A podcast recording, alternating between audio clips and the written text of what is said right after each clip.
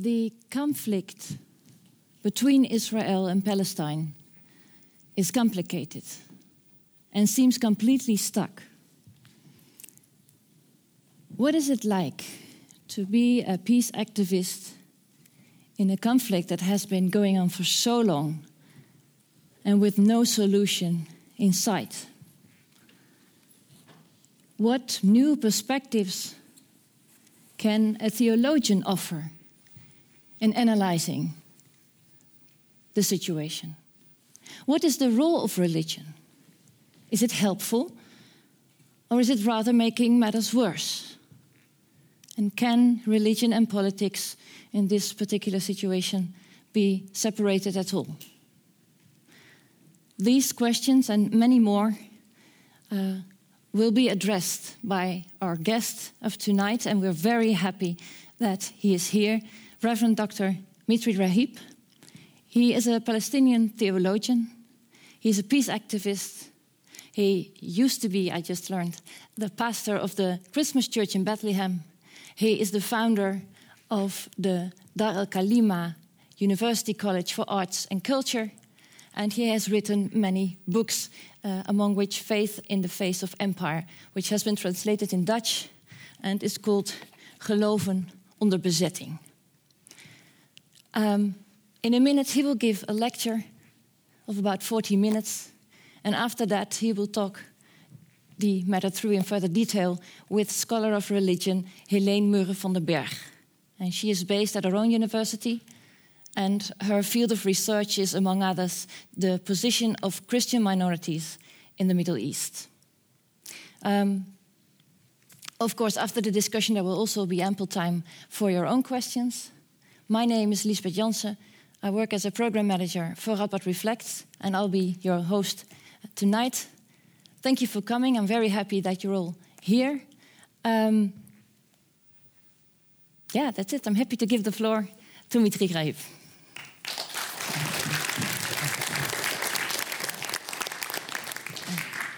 Um, good evening, and um, thank you for coming tonight here uh, for this lecture. Um, I'm glad to see all of you, and I look forward uh, later uh, to engage in a discussion. Um, the Holy Land, a question mark. Uh, you know what I love in this title is the question mark. Um, because uh, as somebody who comes from Palestine, from Bethlehem, uh, whenever people use the word Holy Land, I know most of the time they want to avoid the issue. So they don't want to uh, call things by name, so they used a religious title. And so sometimes the religious title is really not helpful. But thank you for putting it there because you gave me, you know, the excuse to say this to start with. And actually, uh, tonight is the ending of the Yom Kippur. I see we have some Jewish friends here, so Chag Sameach. Uh, um, and you know that one of the wars in 73 took place actually around uh, this time. And if you look at that war, and I will come later to that, you can see even that war has so many religious connotations. And this really brings us into the topics, into the topic today. How can we look at the Israeli Palestinian conflict? I'm not sure I'm going to give you a fresh insight, but I'm, giving, I'm going to give you at least an insight into how I see th- things uh, happening in our part of the world. And I hope this works. Okay, that's it. Um, because as somebody really who, who comes from Palestine, um, who is a Christian and who's a theologian, uh, I grew up uh, and was pastor for 30 years. Uh, every day I was reading the newspaper and every day I was reading the Bible. And often you cannot bring both together, and sometimes you can.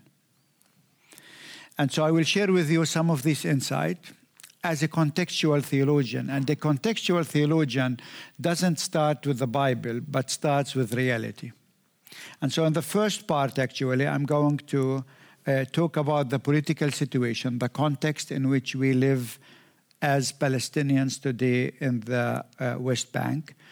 Uh, I will come in the second part to talk about the role of religion in the conflict a bit more extensively. Um, I will talk about uh, the role of the Christian community in Palestine today. And I will end, uh, since we are here in a university setting, and I'm the founder and president of Dar al-Kalima University College of Arts and Culture. I was asked actually why not to say something about your university. This might be interesting for our students here uh, and professors. So I will uh, say a bit about that. So all of this in 40 minutes, okay? Uh, so let me start with the political situation, and maybe uh, I guess you are familiar with this map. If you look uh, to the left, uh, you have uh, the map of historic Palestine, 1946. What you see in green was land uh, owned by Palestinians at that time, 46. The white spots were areas uh, owned by the uh, Jewish population who were Palestinians because, I mean, Jews, Christians, and Muslims until 1948 were all Palestinians, part of uh, Mandate Palestine. Um, and if you uh, look uh, one year later, uh, the UN suggested to uh, divide Palestine into two, giving the Jewish population who owned 5% of the land, giving them 52% of the land, and giving the Palestinian Arab population 48% uh, of the land. If you were Palestinians at that time, you would have thought uh, this is unfair. But actually, this uh, division of Palestine um, had to do somehow with race and religion. And this was actually the, the, the politics of the British. You know, the British didn't, I mean, not only the British, but all the empires who came in the last 200 years in the Middle East, even the French, who you think are very secular, their politics in the region was sectarian, always sectarian. And so the British thought it's not a good idea for Jews, Christians, and Muslims to live together. We have to divide them. And so 1928, just to give you as an example, Eh, in Jerusalem there was one municipality. There were Jews, Christians, and Muslims represented there, elected. The British came and said, It's not good to have one municipality. Let's divide into two one Jewish and one Arab. The Arab was Christians and Muslims, and the Jewish was Jewish. They put the Jewish in West Jerusalem and they assigned East Jerusalem for the Arabs. If you want to laugh or to cry, I'm not sure. Uh, 1948, we had one hospitals in Jerusalem for the lepers. You know the lepers? There were still lepers in, in Palestine at that time.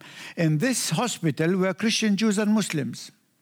The British entered the hospital and say Jewish lepers should go to West Jerusalem and Arab lepers should go to uh, Silwan.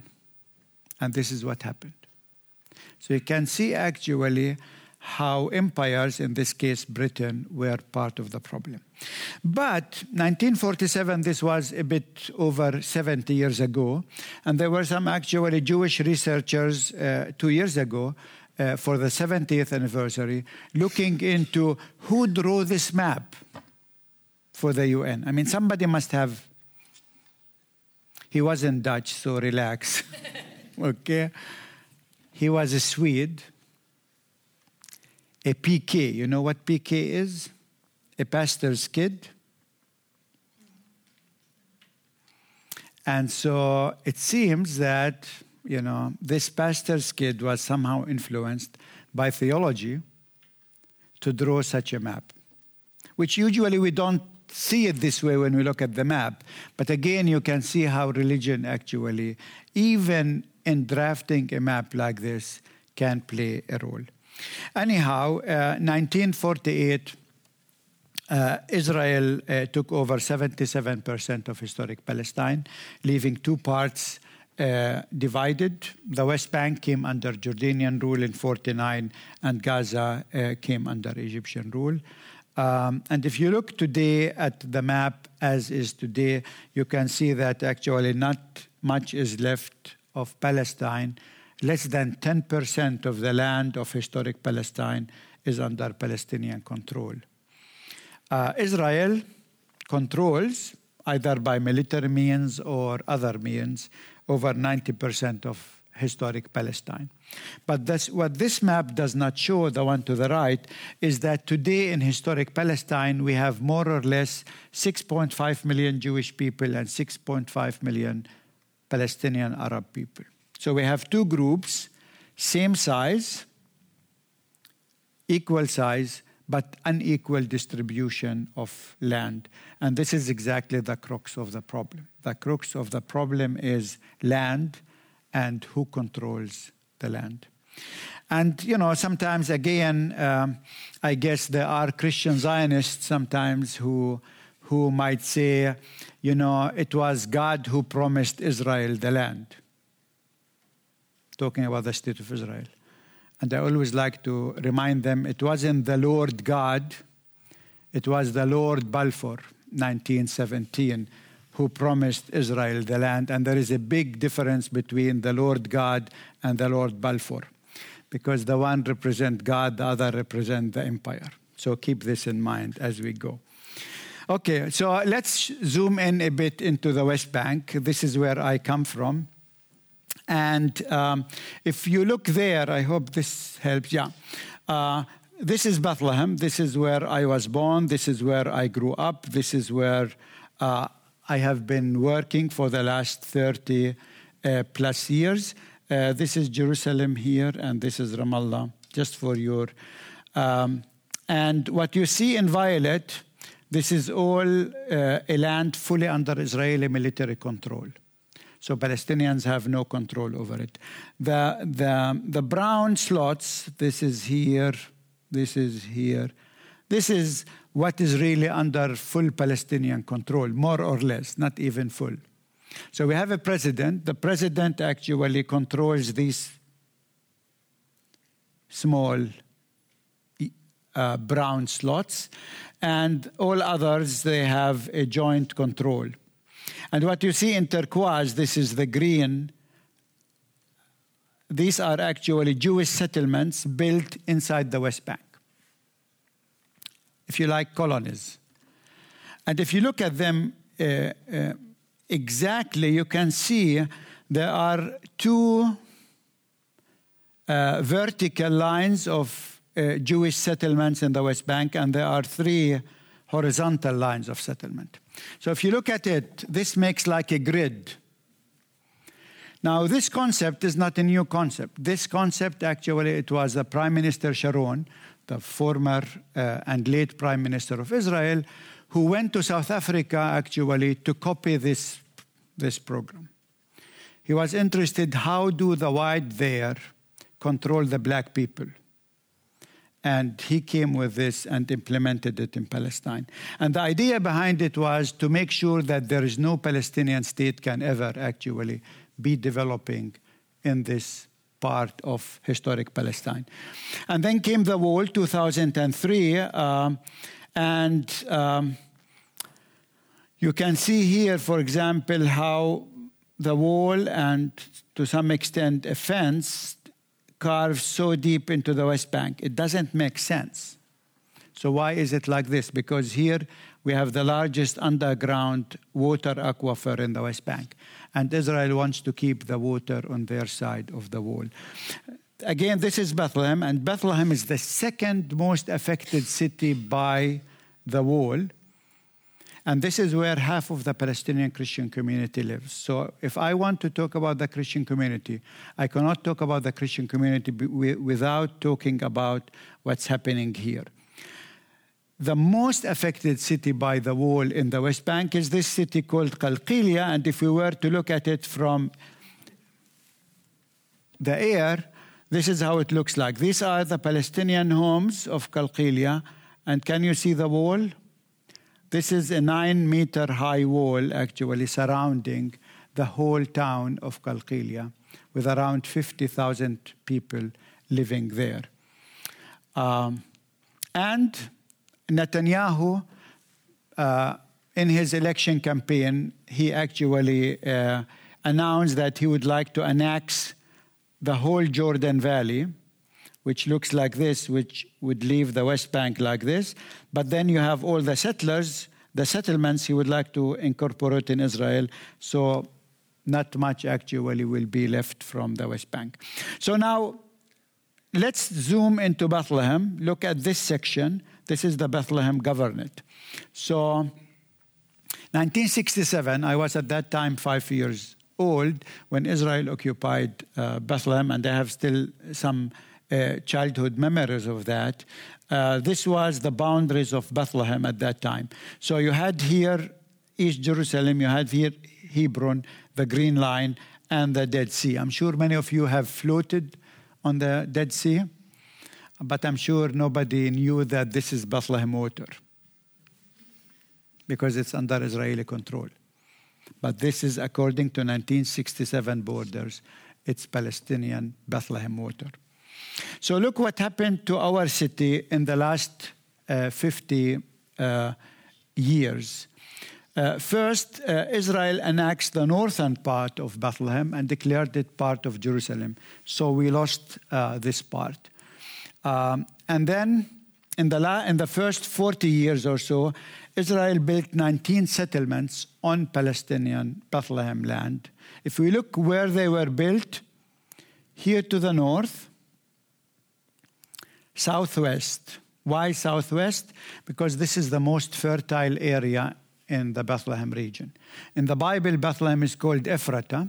If you look, if you think of the book of Micah 5 2, uh, Ephrata means the fruitful because we have the mountain range coming from north to south, and rain comes from west northwest, and so the rain stays on this side of the mountain. This is desert, this is lush. And then you have Jewish settlements along the Dead Sea. Why? Because they control tourism and they control the minerals of the sea. And then you have four settlements like here in the middle of nowhere.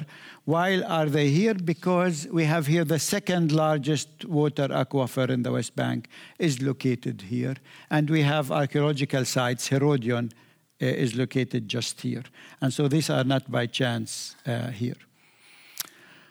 Now, this is exactly what, uh, what Netanyahu would annex if if he will do what he just announced a month ago. He will annex all this area that you see here and all of this area that you see in in in uh, in in uh, uh, blue.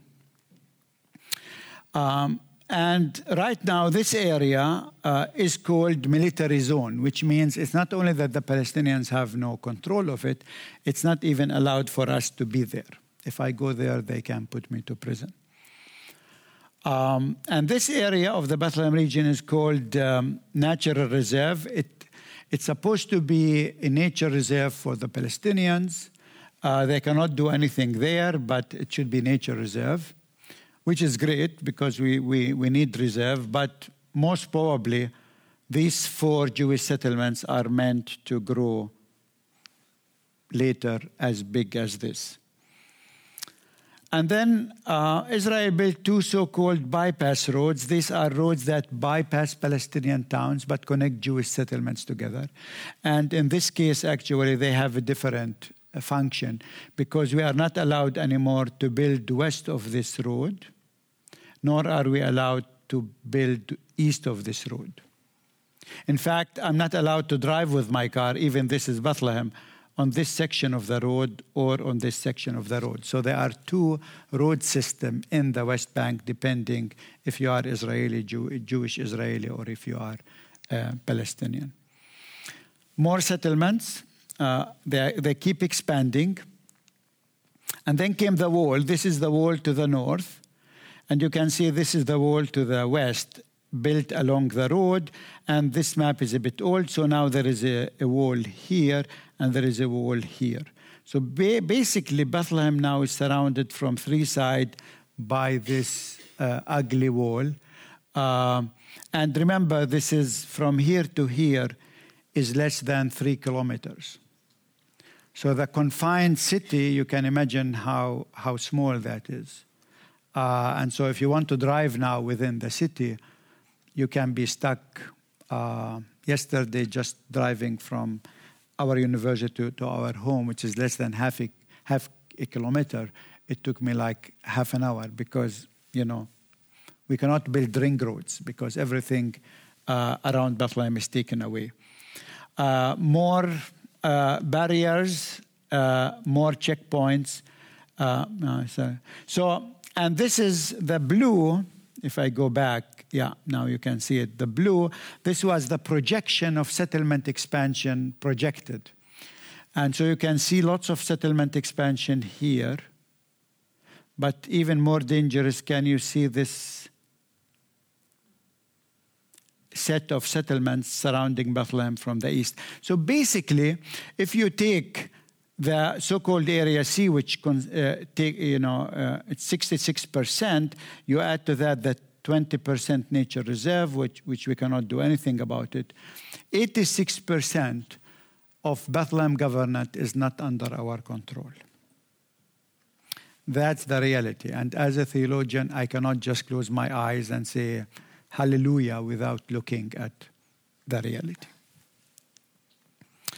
So, uh, Basically, Bethlehem is a strangled city, and what does this mean? Politically, absence of freedom. If I want to go from Bethlehem to Jerusalem, I need a permit, and these are just eight kilometers. Imagine you are an architect. I'm not sure if you have your architects, and you need to do a town planning where you cannot start new neighborhood. You cannot expand the boundaries of, of your town because everything around you, there are 22 Jewish settlements who have taken all the land. How can you do town planning? So everyone is building up higher and higher. And so the whole character of the little town of Bethlehem is changing. Economically, if a, if a city cannot expand, it means it's doomed to have more and more unemployed people. Right now, the unemployment rate in Bethlehem is the highest in the West Bank, 24.6 percent. Socially, if you lock people in, you can imagine you will have more tensions, more crimes, uh, and more drugs. Psychologically, imagine you have kids who grew up without knowing how spring smells like or looks like. You know, today, uh, driving through uh, Netherlands, uh, and it's not even spring; it's it's autumn. You know, my colleague was telling me all the time, look, look how green it is, look how green it is. Because you come from an area where no green is left on this, on our side uh, of the wall. For Christians, it means migration. You know, people say, why bother? I mean, looking at my history, my grandfather was uh, born under uh, Ottoman occupation. Uh, my uh, mother was born under British occupation. My kids are born under Israeli occupation. And you ask yourself, how long, O Lord? And so many Christians think, you know, it doesn't make sense to stay. And so the bottom line, it's a deteriorating quality of life. Um, and this is not a tsunami. This is not a natural catastrophe. This is not an earthquake. This is a man made, uh, actually, uh, catastrophe. So, if you really want to understand what's happening overall in the West Bank, the West Bank today looks like a piece of a Swiss cheese, Emmentaler cheese. Uh, basically, Israel gets the cheese, that's the land and the resources, and the Palestinians are pushed in the holes with uh, no uh, living and surviving uh, conditions.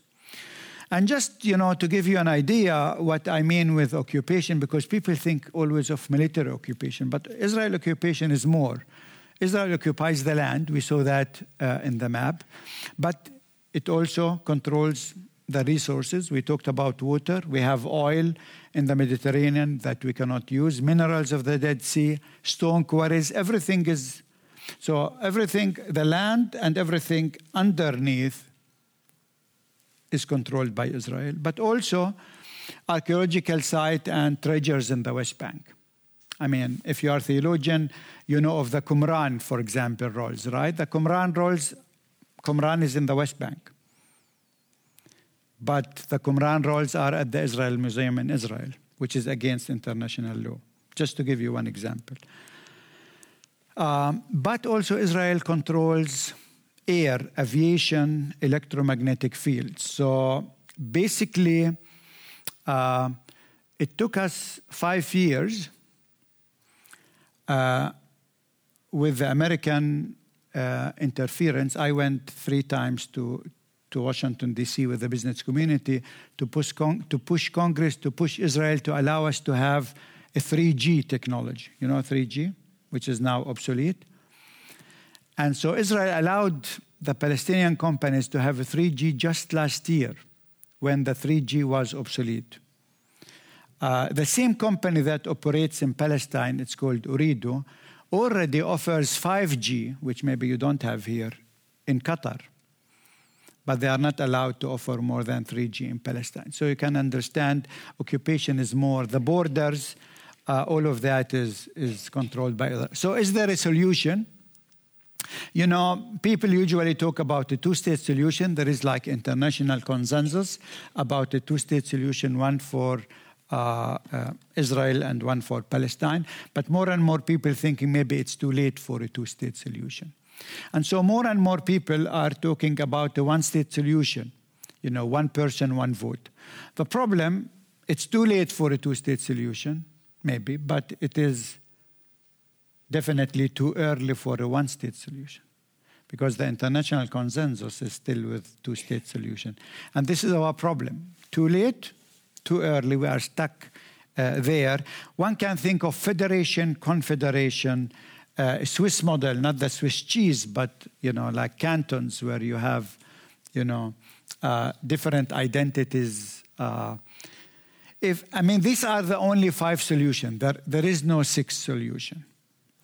If none of these solutions is implemented, which is unfortunately the case right now, you end up with what we call occupation, which is a systematic systemic oppression. That's what we have right now. So we need really to, to understand the context before uh, we come to speak about uh, the role of religion in the conflict, which is now my uh, second uh, part.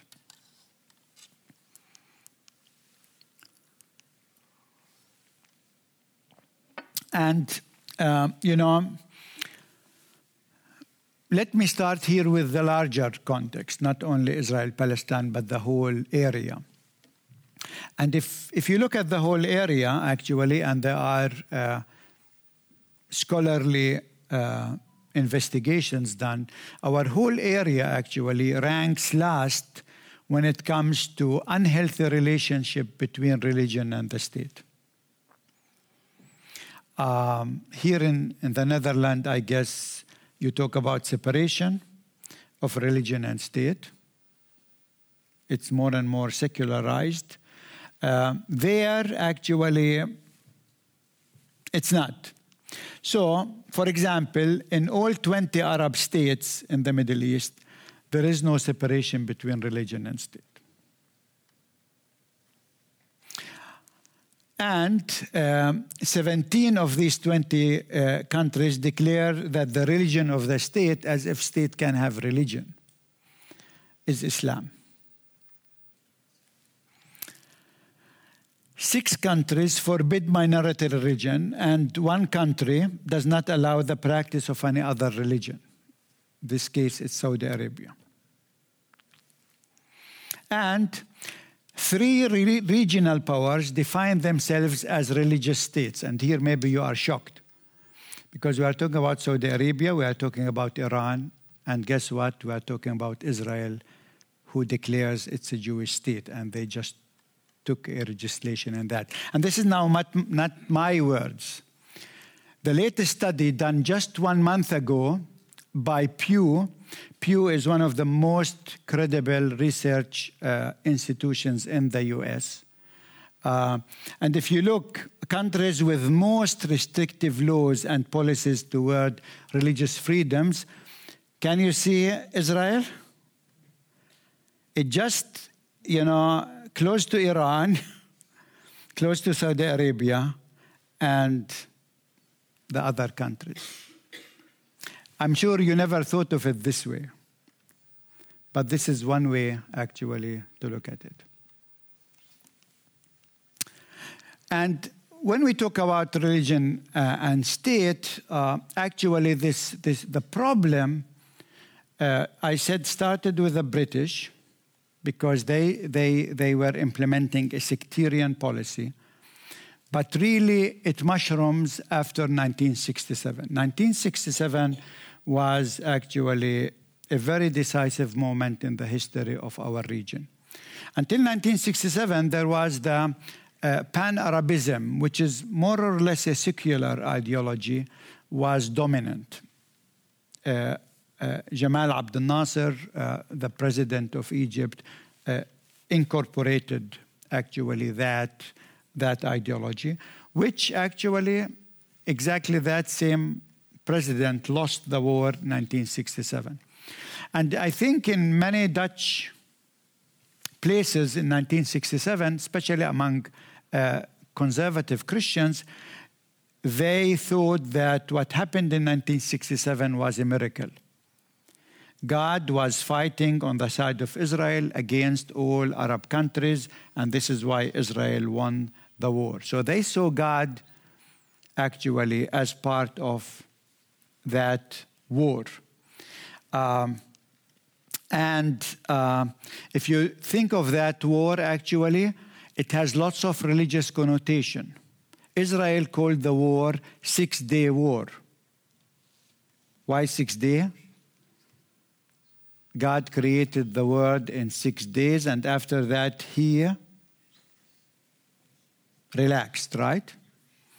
So Israel was saying basically, we finished the job in 60 days, and now we can relax. They didn't relax, and they didn't let us to relax. So we are both not relaxed right now.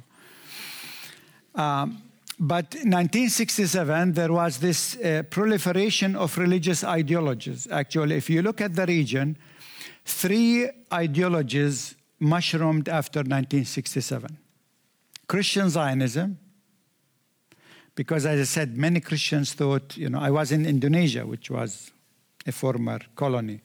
Uh, uh, and I met Christians, and they were saying, you know, Pastor, in 1967, we were praying in all churches for God to give Israel victory. I mean, these are Indonesians, right? Okay. Their problem was they feel as a minority among Muslim majority, and this is why actually they identified with Israel. But think of the United States, think of even uh, this country. And it was actually also the, the growth uh, of uh, Jewish messianism. I mean, if, if you were living in 1967, uh, uh, uh, the, the most famous song in Israel was Yerushalayim Shel Zahav, Jerusalem, city of gold. And if you, uh, if, you were, if you were to listen to these words, it says, you know, we came to, uh, to dry fountains, we came to ruins, and now we are rebuilding it. So you have that ideology, uh, uh, and it started the whole settlement projects, which started as religious projects and then later became economical and political.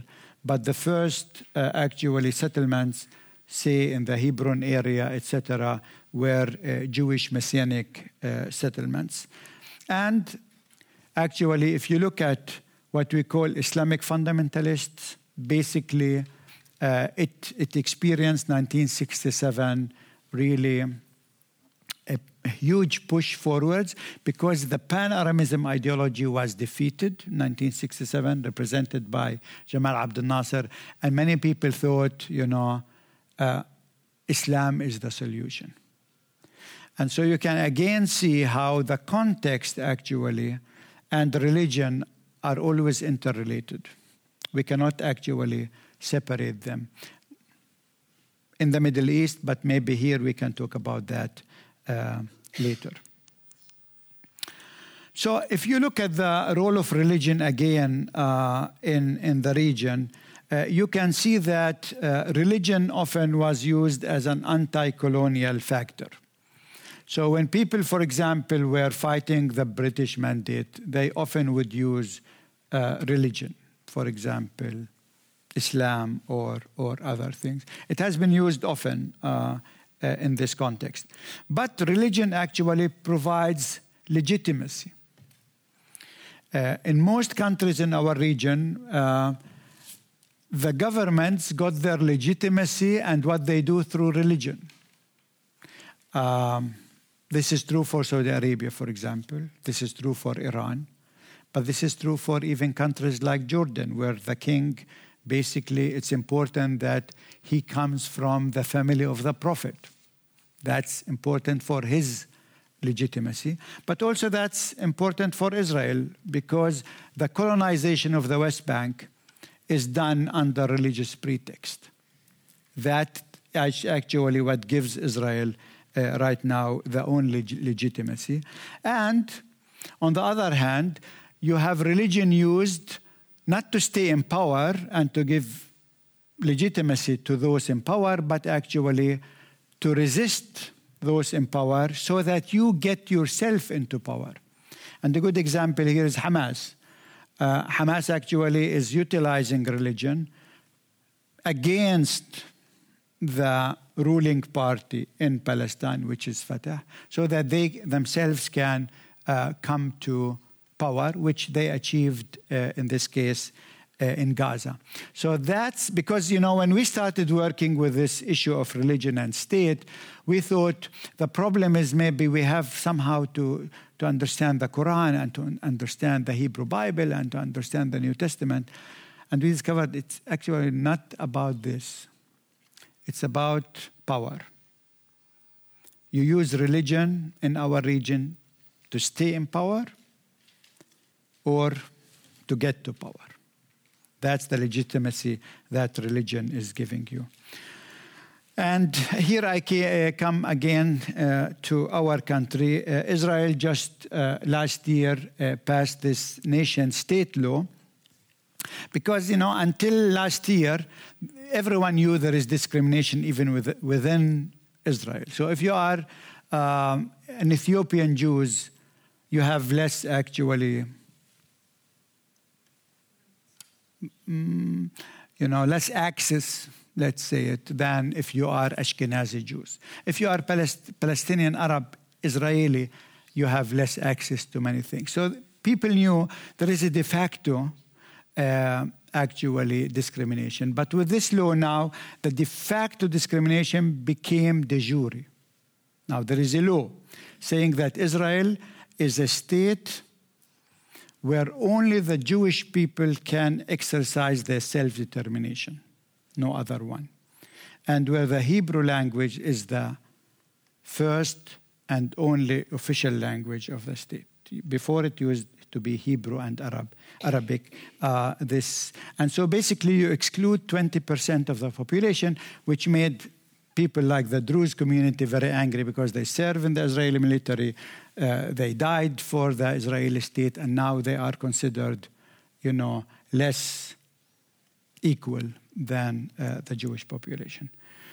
And the, the biggest question, actually, uh, for me is if we look at the, the Bible, if we look at, at, at religion uh, as such, uh, is religion a tool for colonization or for liberation? That's, and you know what?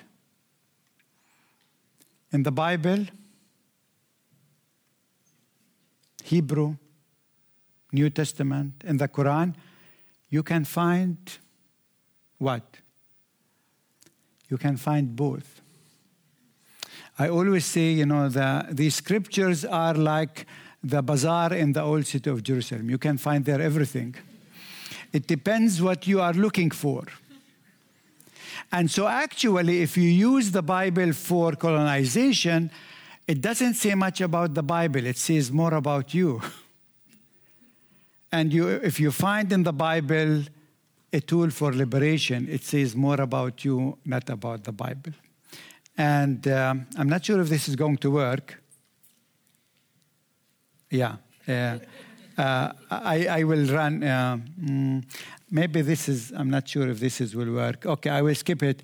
But this is actually. It's a short video. Um, it should work.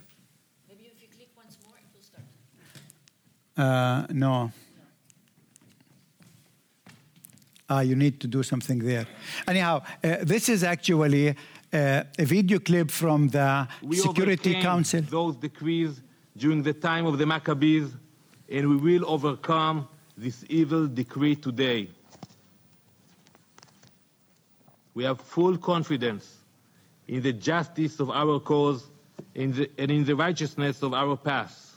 We will continue to be a democratic state based on the rule of law and full civil and human rights for all our citizens, and we will continue to be a Jewish state, proudly reclaiming the land of our forefathers, where the Maccabees fought their oppressors and King David ruled from Jerusalem. This holy book, the Bible, contains 3,000 years of history of the Jewish people in the land of Israel. No one no one can change this history. So basically, here you see the Israeli ambassador at the Security Council after the 15 countries there spoke about that settlements are illegitimate. He comes and say, to the hell with international law, because the Bible gives us the right to continue building settlements in the West Bank. And so you can see how, again, religion is used to legitimize actually the policy. Now, I will try to, um, to, to, to be quick. So, if you look at the region, I think we have too much religion. Sometimes, and I say this as a pastor, you know, I'm a pastor, so, uh, and I think sometimes there is so much religion in our region uh, that God Himself keep saying, Give me a break, I cannot handle that much religion. I think God would love to live in Netherlands in that sense rather than in the Middle East. So the problem we have too much religion, but little actually. Uh, uh, little, uh, too little spirituality. And we have too much politics. You know, people get politics for uh, breakfast, lunch, and dinner. Uh, but there is too little care for the polis, for the city, for the town, for the community. Um, and uh, religion is actually currently in our part of the world definitely part of the problem, but religion has also the potential to be part of the solution. I don't think we can solve anything there without having religion as part of the equation. There is no religious answer. So there is not even theologians, I cannot give an answer. There can be only a political uh, answer, but religion actually can play a role, uh, a positive role. Uh, so uh, quickly, um, so uh, I will give just a practice of what the Christian community is doing positively. Um, we have less than 2% of the population Christians. That means inside Israel, 1.3%, uh, in the West Bank, 1.7%. Uh, I talked that half of them live in, uh, in the West Bank. Um, and in the Bethlehem region, and there are less than 1,000 Christians left in Gaza, which means we know that within this generation, Christianity will cease to exist in the Gaza Strip. And yet, and yet, Christians in Palestine, in a study we did five years ago, we found out Christians, although they are less than 2%, they run one third of the health services in the West Bank and the Gaza Strip. To give you Jerusalem as an example, in Jerusalem we have four hospitals. Three of them are Christian hospitals. They cater to 250,000 uh, Palestinians, mainly Muslims. Uh, and so this is the role of the church in that uh, conflict. But also, even more interesting, we found out that 45% of all non governmental organizations in the West Bank and the Gaza Strip were started either by churches or by Christians. These are human rights organizations, these are uh, social institutions, uh, etc. Um, in the politics, Christians uh, continue to play uh, an important role there uh, as well. So let me come to the last, and here I will do it very quickly uh, to give you just a taste of Dar al Kalima University College. Uh, our mission there is to educate the next generation of creative leaders for Palestine, and we chose not religion nor politics as tool for social transformation, but arts and culture. Uh, many people think, why arts and culture? Uh, but this is what we chose because that provides like a, a, a, common ground where people of different uh, political, religious affiliations can come together. Um, and so education for employment is important. Um, I will um, skip that. Um, uh, maybe just few success story. Uh, this is Haneen. Haneen, as you can see, she's a Palestinian Muslim. Uh, she's a first generation um, students. So the first uh, uh, one from her family to go to college, which is a bit unusual in Palestine because most of the Palestinians uh, have gone to, to universities. Uh, and she lives in this small village called Jubbet Dhib. Um, and if you remember the, the first map of Bethlehem, there were the four uh, Israeli settlements in the middle of nowhere. Remember that one? These are the Jewish settlements. So the Jewish settlements, they control all the land around, around this small, tiny village with 140 people living there. And because the Israeli uh, uh, settlements control the whole area, they are not allowing the, the, the, the village to have electricity. And so imagine in the 21st century, Haneen has to learn with candle lights at night, the 21st century. So, a Jewish human rights organizations from, Hol- from Holland, actually, from here, donated to the small village um, solar panels. And suddenly there was light. I'm sure you read about it here in the newspaper. And so Haneen was happy she could learn, study at night with lights on. But then one night the Israeli soldiers came and confiscated the solar panels, which was donated by, you know, Jewish Europeans with EU money, saying the village is not allowed to have electricity. And so what do you do? Haneen, as a young creative leader, actually started organizing the women of that village, her mom, her aunt, very strong women. And they went to the Israeli High Court and demanded for the solar panels to, to get back. Um, here you can see in the Independent uh, the story. And actually, they succeeded. So the village has again light. And Haneen actually now is, is a teacher of art, uh, teaching all the villages around there, uh, kids there uh, art. And by the way, after tomorrow is her wedding. So I will miss it because I will be here. Uh, another success story, Wissam. Wissam comes from the largest refugee camp in Bethlehem, the Dheisheh refugee camp. Maybe some of you have been there. Um, and um, he graduated last year in filmmaking. Uh, Haneen was contemporary art, uh, Wissam. Uh, and um, Wissam actually, uh, this, this year, just three months ago, won the third prize uh, in Cannes Film Festival out of 2,000 student films from all over the countries, including uh, Holland, the first jury chose 17, and he was one of the 17. And then the second jury out of the 17, they chose the best three, and he was number three. And so imagine from the refugee camp to the red carpet. This is actually what our university is trying to do. You can look at the trial, it's called Ambiance. Uh, it tells the story of the village, uh, of the refugee camp, but in a very successful way. another success story now, this is a Palestinian Christian young woman, Honey. Honey grew up uh, in our Sunday school, in our church in Bethlehem, and her vision was to play football. Now, at that time, 14 years ago, football was only for boys. But Honey is a very stubborn, strong woman. She said, No, I want to play soccer as girl. And so she started actually the first female soccer team, football team in Palestine.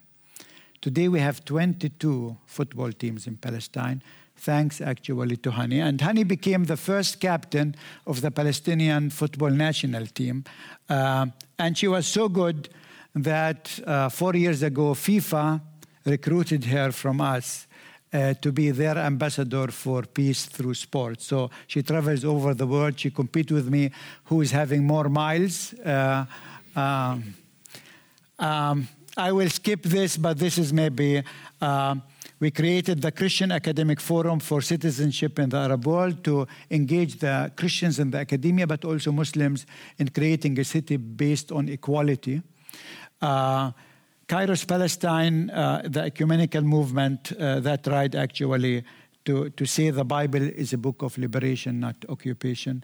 And we started three years ago the network of Christian seminaries and Muslim religious colleges in the Arab world. Uh, so I will end with this. Uh, if you think of the first part, you think of the maps. The maps are telling us as Palestinians we will not have life and definitely it's not going to be abundant.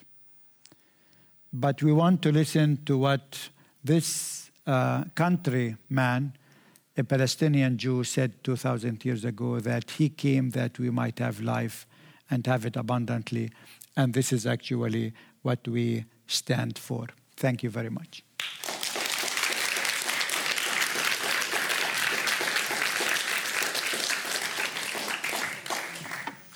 Thank you very much. Would you like to have a seat? I thought you could sit in the middle. Wow, like the throne between two roses. I mean, I'm, I'm not used to this.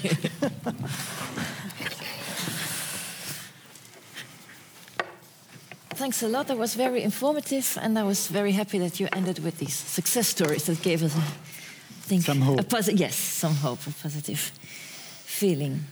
Um, let me start with you, Heleen. Um, your research field is a study, amongst others, a study of Christian minorities in the Middle East. Um, from your perspective, from your expertise, if you listen to Mr. Raheb's story, what struck you most? I think there's always this similarity between the uh, position of the, the Palestinian Christians with Christians all over the Middle East. So on the one hand, it's it's it's part of the bigger problem of how the Middle East in general deals with minorities, with issues of, of the bigger groups and the smaller groups. So on the one hand, there's all these similarities, the patterns of migration, the issues, the economic issues, also the success stories. Also in other Middle Eastern countries, Christians have been among those who started the hospitals and who made sure there was education, etc. So on the one Why hand, is that? Why is that? well, that's a long story. It has to do with with uh, with missions, with earlier uh, modernization than some of the other groups, with a, a more uh, openness also to to Western forms of knowledge, etc. So it's a long story, and and it's not as as um, it has changed. I mean, there are many groups from among the Muslims who have caught up, so to say. So things are changing now, and, and I, in a positive way, in the sense that many more groups are participating in this. But this is so. There's the general issues in which the Christian Palestinians are very similar to Christians anywhere else in the world.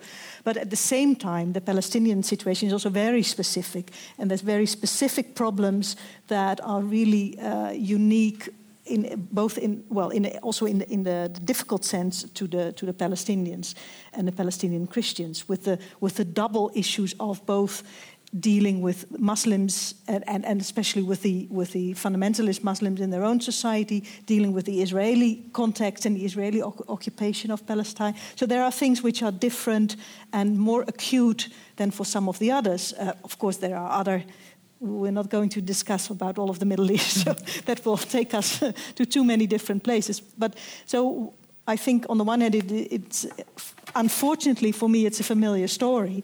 Uh, um, but it, it struck me again how how and and it, that has struck me. F- from Christians all over the region. Also, the the the, the um, how can I put that? On the one hand, the vulnerability, and on the other hand, really the persistence and the vibrancy and the, and the, and the will to make something happen. And that's, for me, has always been also the. Sometimes people ask me, why do you continue to work on Christians in the Middle East? It's so depressing. but it's not. It, it, sometimes it's depressing because sometimes the stories are very depressing and, and the migration and, and, and, and yes. communities getting smaller.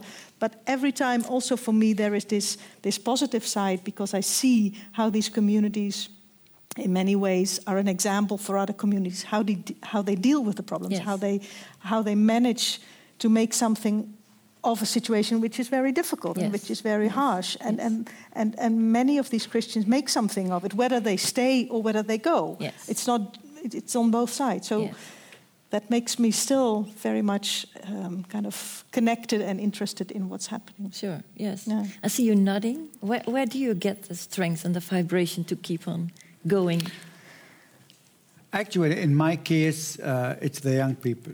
Mm-hmm. I mean, when I look at Haneen, when I look at. Wissam, and so on, this is maybe one of few things that are giving me that strength. Yes.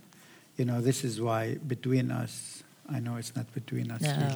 really. uh, you know, but but sometimes like. Uh, working with church structures, it can become very boring. Mm-hmm. I mean, you know, ch- church politics is politics. yes. Uh, and so it's really with the young people when I see how we can transform their lives. Mm-hmm. Uh, this is where I get my hope. And remember, I come from Palestine, where the cross and resurrection are so close together. So you have this suffering and you have the hope like in no other place, in a, in a very concentrated mm-hmm. manner. I mean, they can't be separated. I mean, I hope one day we can. I mean, I don't love suffering, yes. but no, sure. But it's it's this is the reality. Yes, yes, yes. Um, I read an interview with you uh, in a newspaper, and you said the most important question in the Bible is where is God? Can mm. you explain that? Why is that the most important question for you? Because, you know, when you live uh, under occupation, when you live under colonization, when you, and it's not only the question of the Palestinians, mm-hmm. I mean, no. this is worldwide. Uh, the empire behaves like God. I mean, you mm-hmm. know, they are all powerful. They can do what you what they want. They can change the legal structures. You know, uh, and you feel you cannot do much about it. Mm-hmm. And you feel that God, actually, God has uh, uh, forsaken you. Mm-hmm. Because the empire plays the role of God. And so you feel, you know, that. And so you ask yourself, and which this is the question we have throughout the Bible. Uh, where are you, God? I mean, think of the Psalms. There are so many Psalms that start like this Where are you, mm-hmm. God? Why are you so silent? Why don't you move a finger? Why don't you come to rescue us?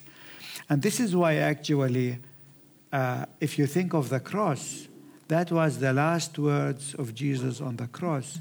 My God, my God, why did you forsake me? Because the Roman Empire crushed him. Mm-hmm. And so he resonated that same question of the people of the land. Yes, yes. Heleen, would you say the Bible is a political document? The Bible is many things. Uh, I, I, echo your. So that, yes, at places it is a, a political document, um, but in a way that we not, not always can kind of reconstruct because I mean it was written in so many different places and, and different times. So some parts definitely are, were also political documents and which allows us also to read it sometimes as a political document, but in all kinds of different ways. Um, as you say, it can be used as a, as a, as a uh, to justify uh, all kinds of unjust situations, mm-hmm. and it can be used to empower the powerless, and, and it can go both ways. Uh, well, you can say, unfortunately, for, but that, that's, I think it's the reason the Bible is, is being read until today, because it's such, such a powerful book with such, uh, so many different ways of reading it. Um, but, but, also some, leading to so many different perspectives and yeah, conflicts. Yeah, yeah, Yes. Yeah. And there's no, no, no way, quick way out uh, of that, unfortunately. I mean, I, I don't think there is any apolitical, non-political mm-hmm. reading of anything. And you know, I'm usually afraid of those who pretend to say our reading is non-political because usually these are the most political Yeah. readings. Yeah. You know, Why? Why? Why is that? You know, I, I, I say, I mean, there is no contextless mm-hmm. theology. Mm-hmm.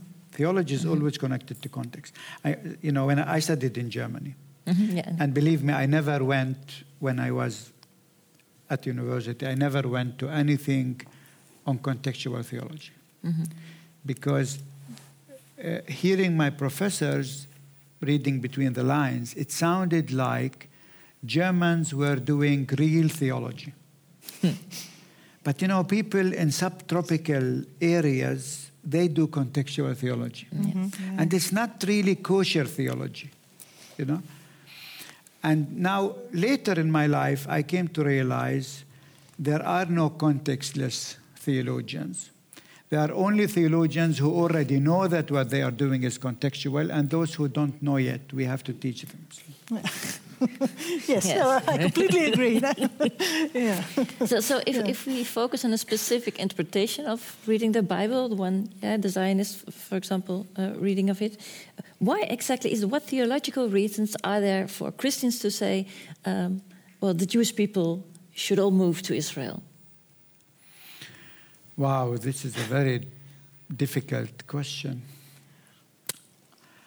I think that um, those Christians are really not sure of their faith. They need a, a sign that God is still working. And for them, Israel is the sign. And you can read that in so many, uh, in, in so many texts of post-Holocaust theologians, not only of Christian theologians.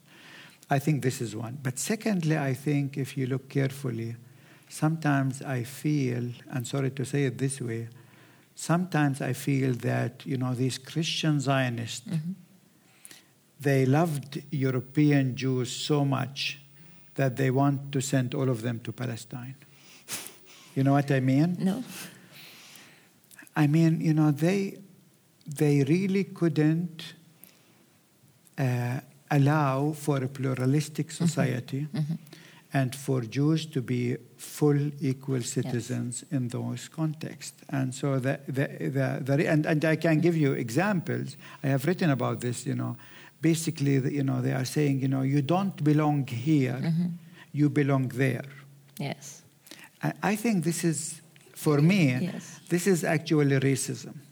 Um, and uh, uh, Yes. And, and I think one, well, maybe you've mentioned it already, but not so explicitly. Um, I think one of the theological reasons also that if, uh, well, if the, if, the, if the Holy Land really belongs to the Jews, then Christ can return. exactly, and that's, that's, that's actually the theology that was started in the 19th century uh, with Darby, that he connected actually the, the establishment of a Jewish state Yes. as a prerequisite for Christ to come back. And these people are actually anxious for Armageddon.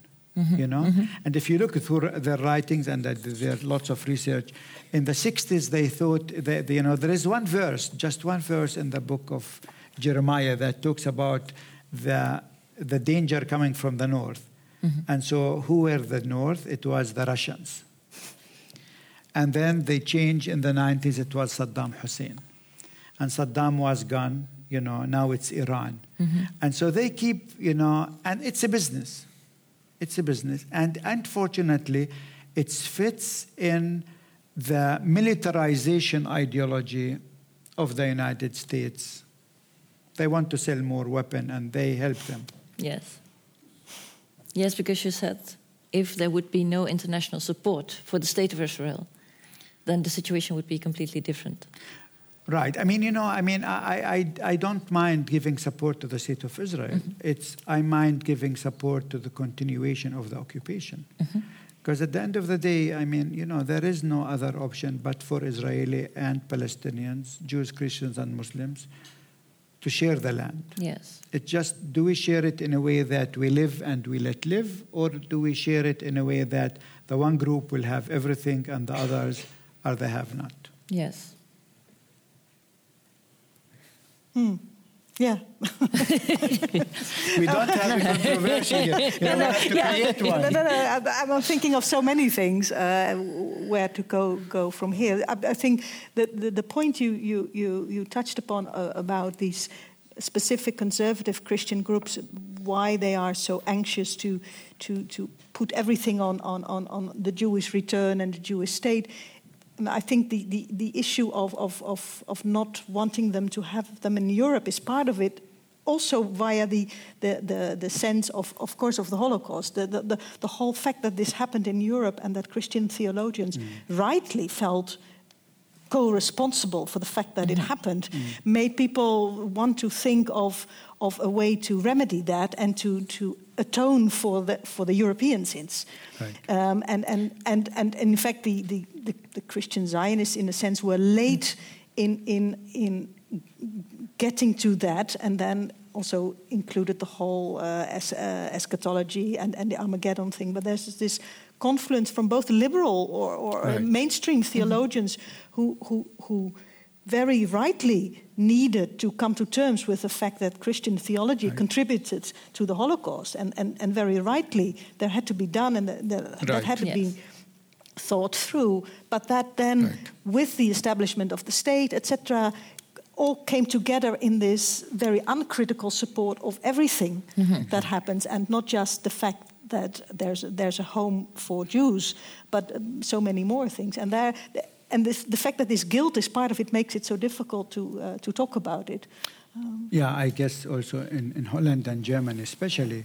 Uh, but I agree with you to, to a great extent. I, I think uh, I think bad conscience, guilt uh, plays a role, uh, and I think definitely uh, theologians, Christian theologians, had to repent for uh, lots of anti-Judaism that is happening, basically looking at Jews down uh, as inferior or something. I think this is part of where we need to do our homework.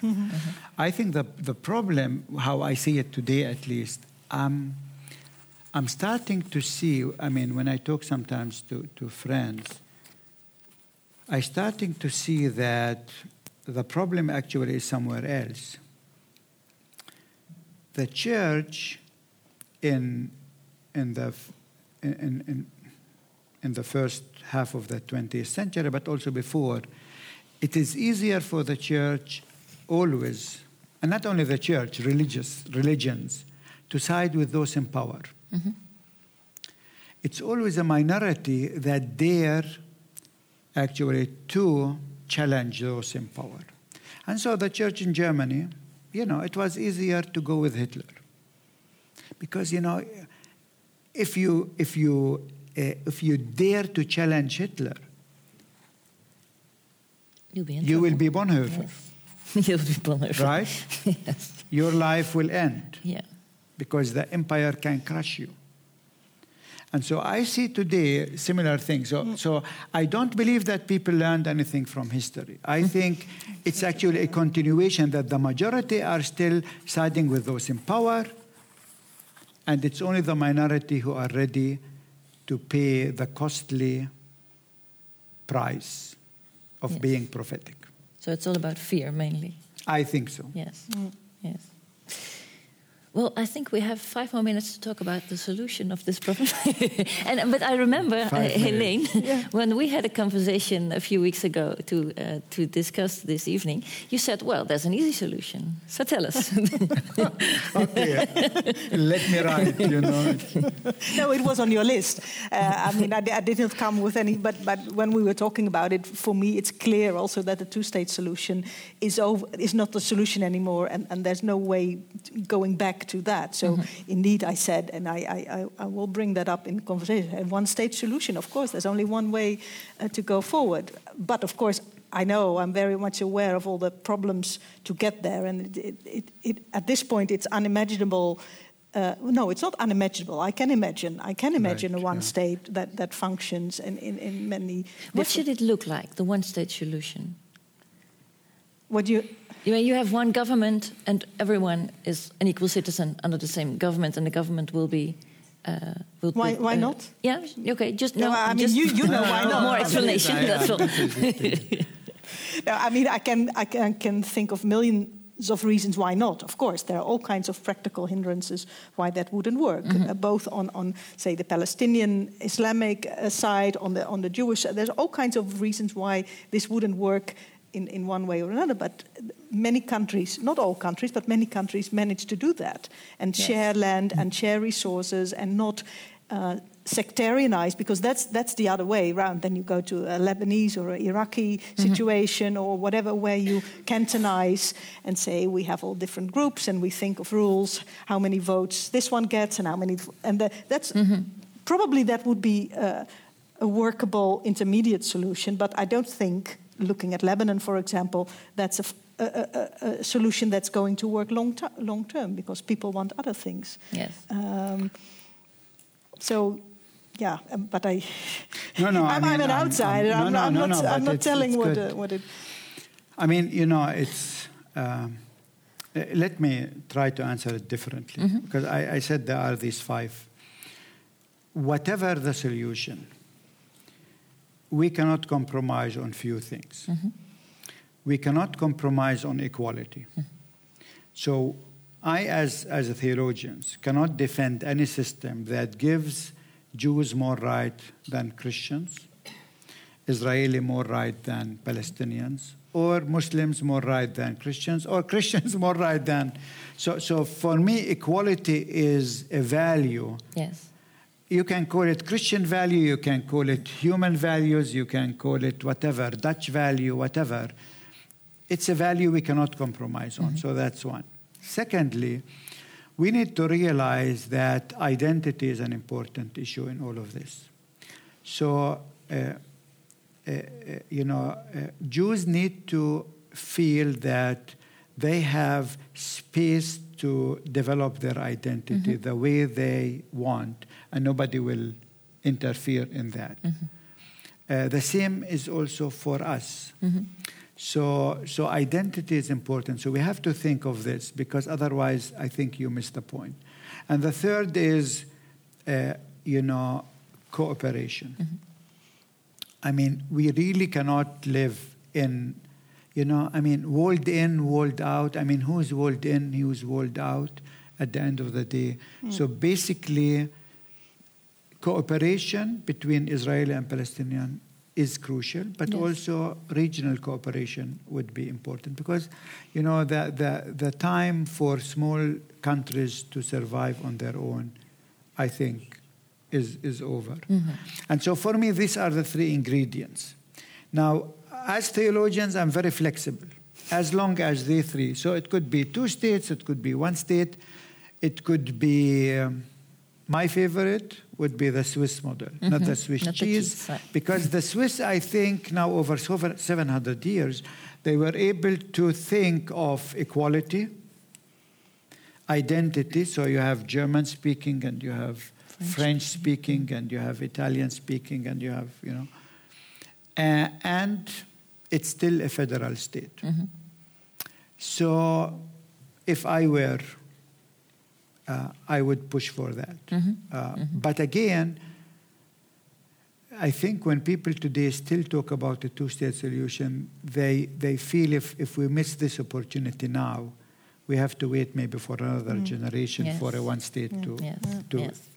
Thank you very much for being here, for sharing your thoughts and your knowledge about this complex situation. Thank you too, Heleen Murre van den Berg, for being here and joining the discussion. Thank you for coming and for asking questions. And, well, if you don't feel like going home yet, please join us in the bar for a drink. Um, there will be a small bookshelf, small book table. So if you'd like to buy one of Dr. Raheb's uh, books, you will be able to do that. And uh, hope to see you soon at a new program of Radboud Reflects. Have a nice evening.